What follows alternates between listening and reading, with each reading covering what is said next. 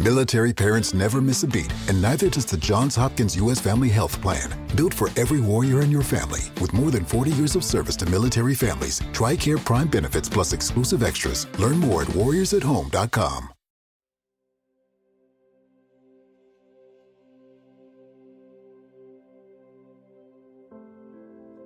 Ciekawość jest siłą napędową rozwoju. To ona pcha nas ku poznawaniu świata. Towarzyszy nam od pierwszych chwil życia. Jako dzieci badamy każdy przedmiot zmysłowo.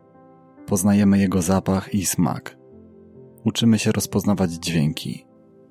Sprawdzamy, co czai się za rogiem szafki. Ciągnie nas, by zobaczyć, co mama trzyma w torebce. Ciekawość świata nie mija z wiekiem, wręcz przeciwnie –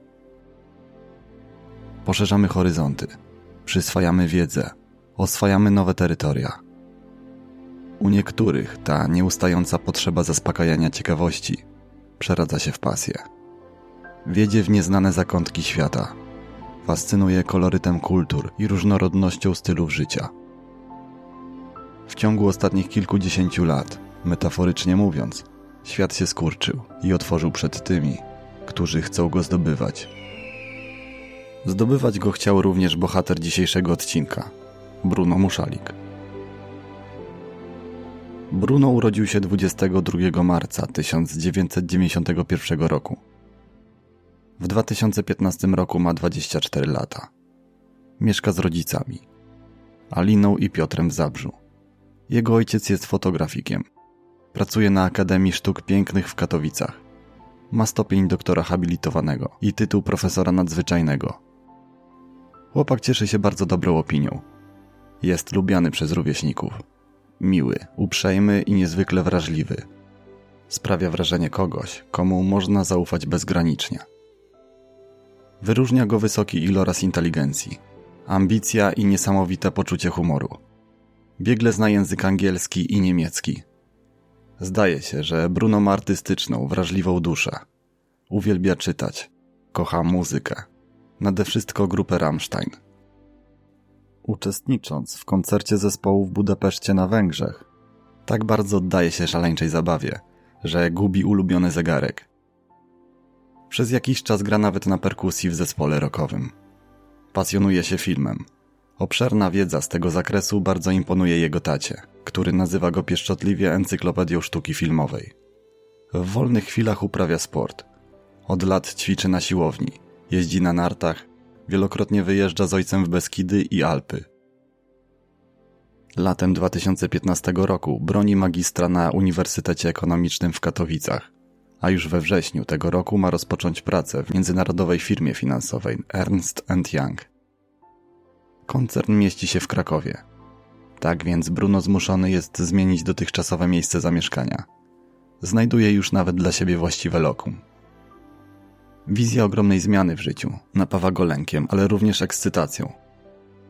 W końcu nie każdy może nawet pomarzyć o posadzie o takiej rance, tym bardziej od razu po studiach. Bruno został wybrany na to stanowisko jako jeden z pięćdziesięciu kandydatów. To ogromne wyróżnienie. Praca otwiera mu drzwi do kariery, jest oknem na nowe doświadczenia. By odpocząć i przygotować się psychicznie – ale przede wszystkim nagrodzić się za trud i ciężką pracę ostatnich lat. Postanawia spełnić swoje marzenie. W lipcu 2015 roku planuje czterotygodniową podróż życia. Od dawna fascynują go Indie. Piękno dzikiej przyrody, potężne masywy Himalajów, a przede wszystkim kultura i religia wschodu.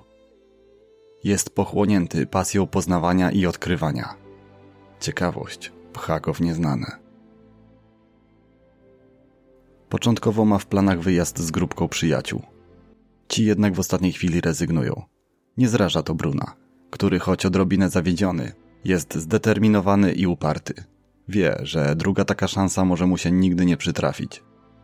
W końcu zaraz rozpocznie nowy, bardzo poważny etap w swoim życiu.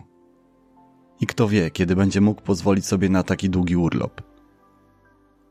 Ojciec odradza mu wyjazd, a gdy to nie przynosi żadnych rezultatów, Wręcz proponuje swoje towarzystwo. Bruno jednak nie chce iść na żaden kompromis. Podjął już decyzję i nie zamierza jej zmieniać. Przekonuje, że da sobie radę. Jest bystry, zna języki, czytał o Indiach i doskonale wie, co robić i jak się zachowywać. Wie, gdzie się zapuszczać, a gdzie nie. Rodzice mu ufają. Wierzą, że potrafi racjonalnie ocenić zagrożenie. W końcu odpuszczają. Nadchodzi wyczekiwany dzień. 30 lipca Bruno pakuje się w pojemny, turystyczny plecak i kieruje w stronę lotniska. Mniej więcej po 12 godzinach lotu stawia pierwsze kroki w Indiach. Ląduje w New Delhi, ale to tylko początek jego wyprawy. Od pierwszych dni ma stały kontakt z rodziną. Informuje o każdym zdarzeniu, o planach na następny dzień. Jest zachwycony krajem. Tu wszystko jest inne. Napawa się pięknem dzikiej przyrody, niesamowitym klimatem, aurą, jaka roztacza się wokół masywu Himalajów, najwyższych gór świata. Łapczywie chłonie wiedzę z zakresu życia codziennego lokalnej społeczności. Rozsmakowuje w egzotycznych smakach, zapachach. Wspomina o gościnności Hindusów. Wręcz rozpływa się nad ich serdecznością.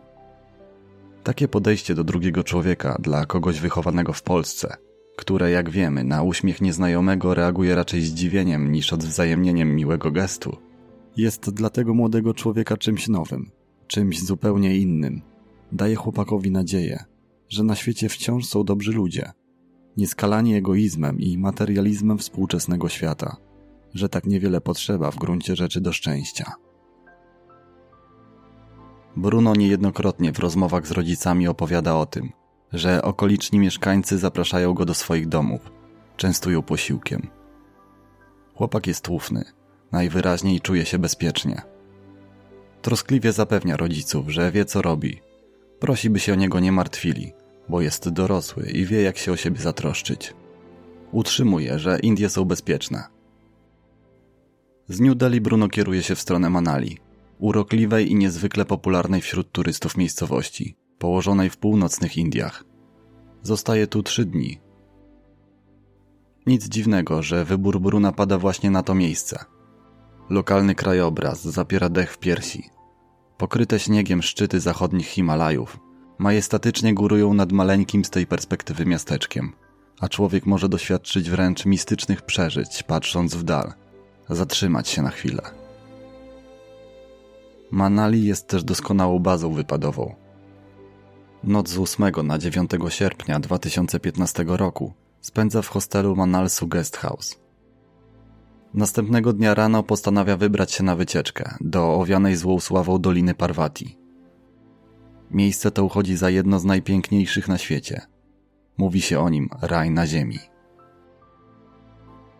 Z tego względu ściąga masy turystów, nie tylko z kraju, ale i z zagranicy. To idealne miejsce dla poszukiwaczy mocnych wrażeń, ekscytujących doznań, tych, którzy uwielbiają trekking i wspinaczkę po szlakach górskich.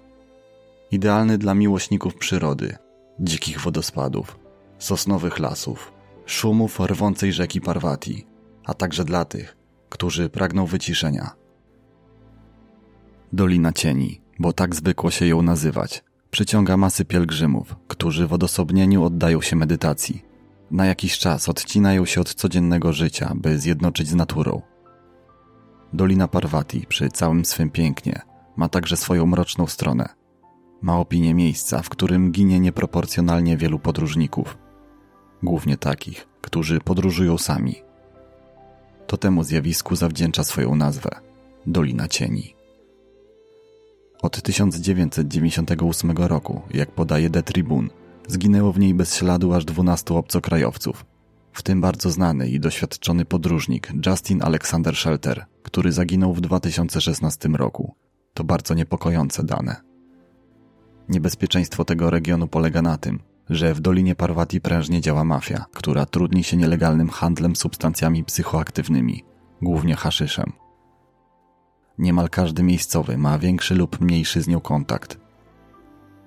Haras, tutejszy nielegalny specjał, wytwarza się ręcznie w maleńkich wioskach, usytuowanych nad brzegiem Parwati, w miejscach położonych z dala od świata.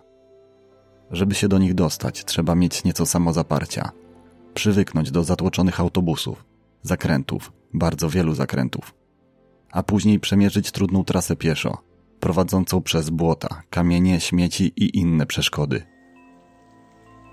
Doświadczenie to właśnie w taki sposób opisuje jeden z podróżników na swoim blogu.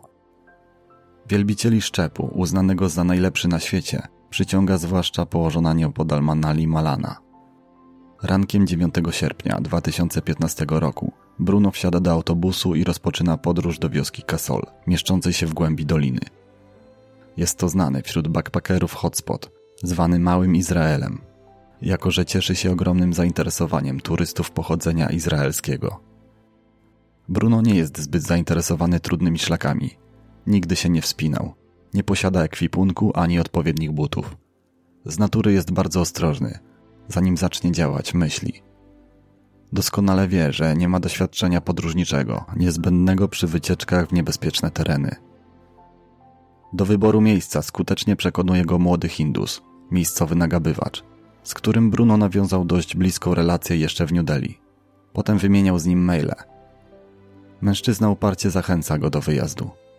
Mówił, że Dolina Parvati to fantastyczne miejsce, by pospacerować, porobić zdjęcia, popatrzeć w Himalaje i doświadczyć codziennego życia w surowych warunkach. Ponapawać pięknem przyrody, popatrzeć jak żyją miejscowi. Zapewnił go również, że ma w Kasol kolegę, który wszystko dla niego zorganizuje. Plan Bruna zakłada pobyt w okolicy przez kolejne trzy dni. Po upływie tego czasu chłopak zamierza wrócić do Manali, a stąd wyruszyć do New Delhi na samolot powrotny do Polski. Z tego powodu zostawia większość rzeczy osobistych w hostelu, z którego się nie wymeldowuje. Bierze tylko plecak, dokumenty i kilka najpotrzebniejszych przedmiotów. Po kilku godzinach dociera na miejsce i tu ślad się po nim urywa. Bruno nigdy nie wraca po ubrania. Nie pojawia się również na lotnisku w dniu wylotu. Trying to grab all the groceries in one trip? Oof, not how you would have done that. You know sometimes less is more. Like when you drive less and save with the USAA annual mileage discount. USAA. Get a quote today. Oh, come on now. You know you deserve it. A steak patty on any McDonald's breakfast sandwich. I mean, any breakfast sandwich. Biscuit, McMuffin, bagel, McGriddles, a juicy steak patty on any breakfast sandwich. And when you order through the app, buy one and get one free. Now go get them. Valid for product of equal or lesser value. Limited time only at participating McDonald's. Valid one time per day. Excludes $1, $2, $3 menu. Kontroler autobusu doskonale pamięta wysportowanego chłopaka o zawadiackim uśmiechu i rozwichrzonymi włosami, który 10 sierpnia wsiadł do autobusu jeszcze raz, by przejechać kilka kilometrów. Przedłużający się brak kontaktu z synem niepokoi rodziców. Początkowo racjonalnie tłumaczył sobie ten fakt możliwością zgubienia telefonu lub niemożnością jego naładowania. By uspokoić sumienie, wynajmują przewodnika turystycznego po Dolinie Parvati, który trudni się również szukaniem zaginionych. Ma na swoim koncie dużo sukcesów. Wydaje się być godnym zaufania. Jednak gdy nie otrzymują od niego żadnych wieści, a Bruno nie pojawia się na pokładzie samolotu powrotnego do kraju 22 sierpnia, Piotr, choć odchodzi od zmysłów, postanawia działać. Wie, że stało się coś niedobrego. Ma bardzo złe przeczucia. Wraz z żoną informują o zaginięciu syna polską ambasadę w New Delhi a następnie bez namysłu kupują bilet do Indii, by na własną rękę sprowadzić Bruna do domu. Nie da się opisać słowami tego, co czują wówczas najbliżsi Bruna, zwłaszcza jego ojciec i mama Alina. Jeszcze kilka tygodni temu mieli go przy sobie. Miał wyjechać tylko na wakacje i zaraz wrócić. Wszechogarniający smutek i poczucie bezsilności odbiera rozum, próby tłumaczenia sobie na milion sposobów tego, co mogło się stać. Niewiedza jest chyba jednym z najtrudniejszych uczuć.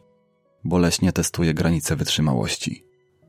Mimo całego tego bólu, w sercach tli się nadzieja, granicząca z pewnością, że chłopak się odnajdzie. Może zabłądził i zwyczajnie nie wie, jak wrócić do domu. Może zatracił się gdzieś w medytacji i stracił poczucie czasu, że to tylko koszmarne nieporozumienie i zaraz wszystko wróci do normy. Piotr na miejsce dociera 23 sierpnia wraz ze swoim przyjacielem. Gdy policja toczy swoje śledztwo, ojciec próbuje znaleźć syna na własną rękę. Już następnego dnia spotyka się z wynajętym przewodnikiem i prosi o dokumentację z przeprowadzonych działań. Nie otrzymuje jej jednak. Ma wątpliwości, czy w ogóle takie działania zostały przeprowadzone. Rozwiesza plakaty, drukuje tysiące ulotek, pokazuje przechodniom zdjęcia, pyta, czy ktokolwiek ma jakieś informacje na temat Bruna. Przeszukuje wszystkie miejsca, gdzie chłopak był, gdzie potencjalnie mógł być. Sprawdza okoliczne hotele, knajpy, miejsca spotkań. Jest wszędzie tam, gdzie widywani są młodzi ludzie. Pomaga mu w tym wielu lokalnych Hindusów. Ostatnią osobą, jaka miała z Brunem kontakt, jest wspomniany wyżej kontroler autobusu, który wciąż przy każdym składaniu wyjaśnień utrzymuje tę samą wersję wydarzeń.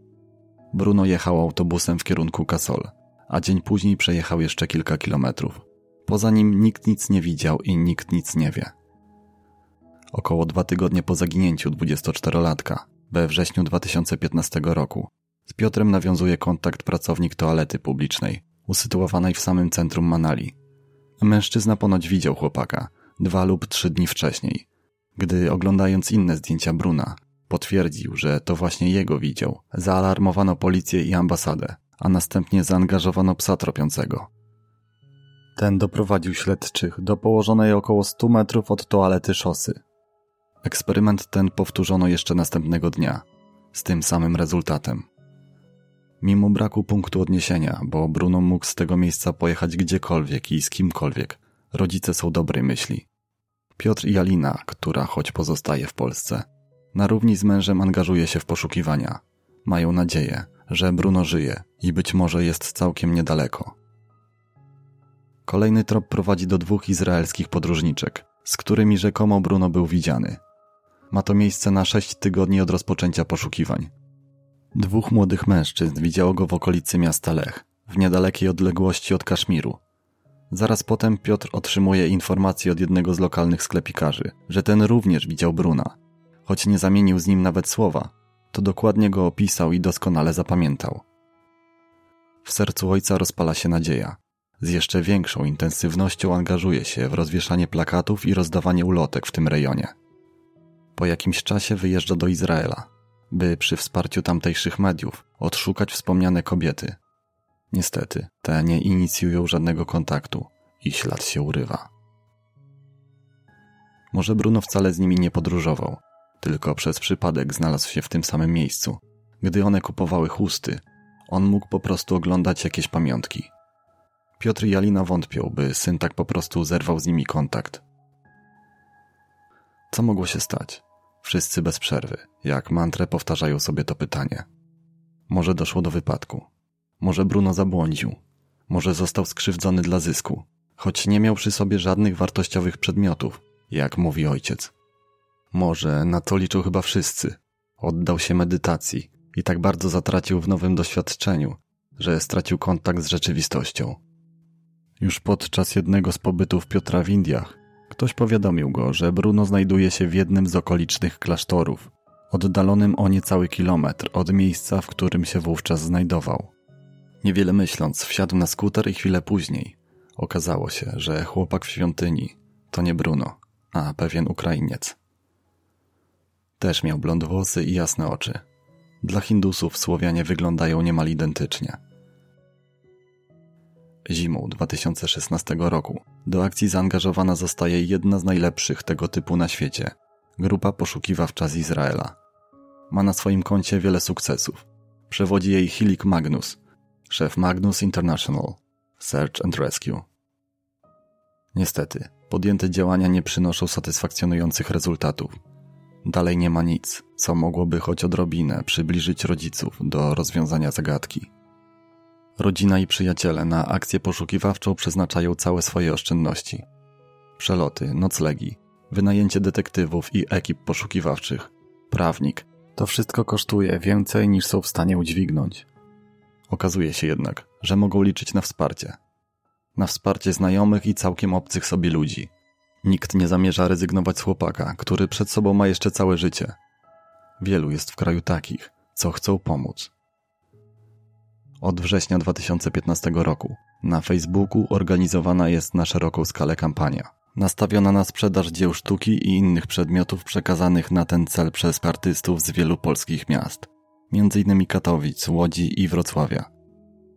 22 marca 2016 roku, w dzień 25 urodzin Bruna, W Zabrzu w galerii Impresja zorganizowana zostaje aukcja dobroczynna Bruno and Friends. W jej trakcie występuje Stanisław Sojka. Rozgłos medialny zdobywa również za sprawą wsparcia ze strony Martyny Wojciechowskiej, Borysa Szyca, doktora Zimbardo, Roberta Janowskiego czy Karola Strasburgera. Kolejna aukcja ma miejsce 18 czerwca 2016 roku w Galerii Bielskiej BWA, Galerii Sztuki Współczesnej w Bielsku Białej. Tym razem solowy koncert daje pianista jazzowy Wojciech Majewski. Mimo całego wysiłku i starań, brakuje odpowiedzi na najważniejsze pytanie: gdzie jest Bruno? W 2017 roku rodzina występuje przeciwko bezczynności indyjskiej policji do Sądu Najwyższego, a ten nakazuje wznowić śledztwo, przekazując je w ręce CIT, specjalnej policji, mającej znacznie szersze uprawnienia niż regularne służby. Nakazuje ponownie przesłuchać świadków, sprawdzić wszystkie tropy. Poszukiwania w terenie odbywają się z pomocą dronów. Co istotne, zamknięte zostają nielegalne restauracje i podejrzane miejsca noclegowe. Największym osiągnięciem jest znaczne zmniejszenie liczby zaginięć. Niewątpliwie jest to ogromny sukces. Działania CIT w 2019 roku prowadzą również do zatrzymania i przesłuchania dwóch Hindusów, w tym tego, który namówił Bruna na wyjazd do Kasol. Istnieje obawa, że może wiedzieć znacznie więcej, tylko nie chce się tą wiedzą podzielić. Zostają zwolnieni, choć na jaw wychodzą ich nielegalne interesy, innymi fakt, że trudnią się naciąganiem turystów. Uznaje się, że nie mają pojęcia, gdzie może teraz przebywać Bruno. Pozytywnie przechodzą badanie wariografem. Piotr wraz ze swoją adwokat, Wandaną Mizra, walczą, by ponownie przesłuchać świadków. Mają spore wątpliwości, czy wszystko odbyło się zgodnie z procedurą i czy przesłuchanie było miarodajne. Walczą również o to, by swoje wyjaśnienia złożył przewodnik, który rzekomo poszukiwał Bruna na kilka dni po jego zaginięciu. By kontynuować akcję poszukiwawczą, potrzeba wciąż więcej i więcej. Konieczne jest opłacenie prawniczki, jak również pełnomocnika Kabira Szarmy. W koszty wlicza się ponadto jego noclegi i przejazdy na rozprawy, na których Piotr nie może pojawić się osobiście. 23 maja 2019 roku w galerii Ship Wilson w Katowicach ma miejsce kolejna, trzecia już aukcja charytatywna.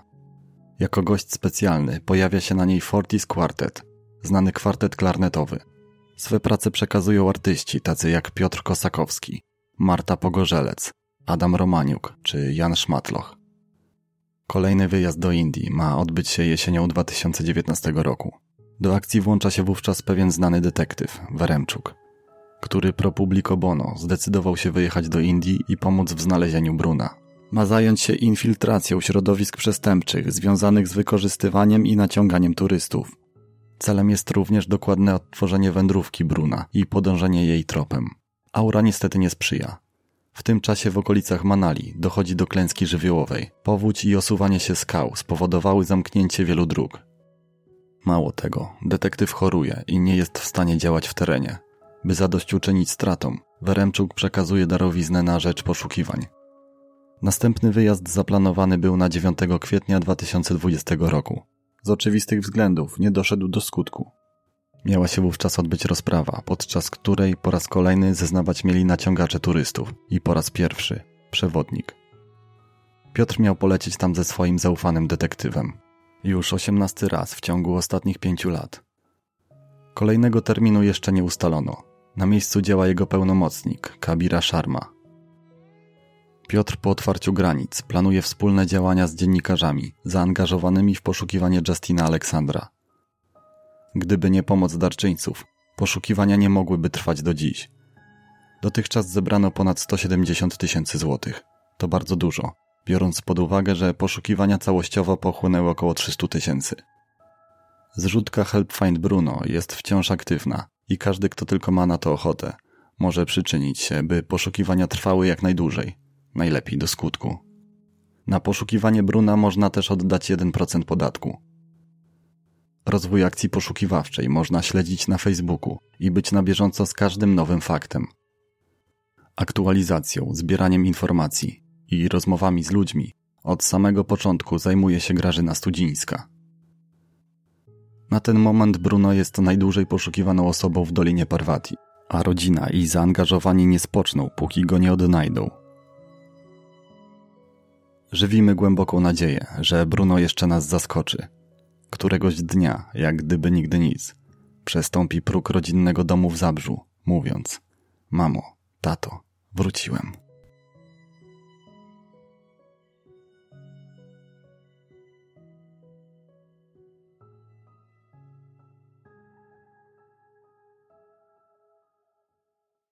With Lucky Land slots, you can get lucky just about anywhere. Dearly beloved, we are gathered here today to. Has anyone seen the bride and groom?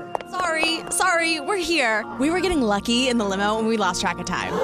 No, Lucky Land Casino, with cash prizes that add up quicker than a guest registry. In that case, I pronounce you lucky. Play for free at LuckyLandSlots.com. Daily bonuses are waiting. No purchase necessary. Void where prohibited by law. 18 plus. Terms and conditions apply. See website for details. Lucky Land Casino asking people, "What's the weirdest place you've gotten lucky?" Lucky? In line at the deli, I guess. Aha, in my dentist's office. More than once, actually. Do I have to say? Yes, you do. In the car before my kids' PTA meeting. Really? Yes. Excuse me, what's the weirdest place you've gotten lucky? I never win and tell. Well, there you have it. You can get lucky anywhere playing at LuckyLandSlots.com. Play for free right now. Are you feeling lucky? No purchase necessary. Void where prohibited by law. 18 plus. Terms and conditions apply. See website for details.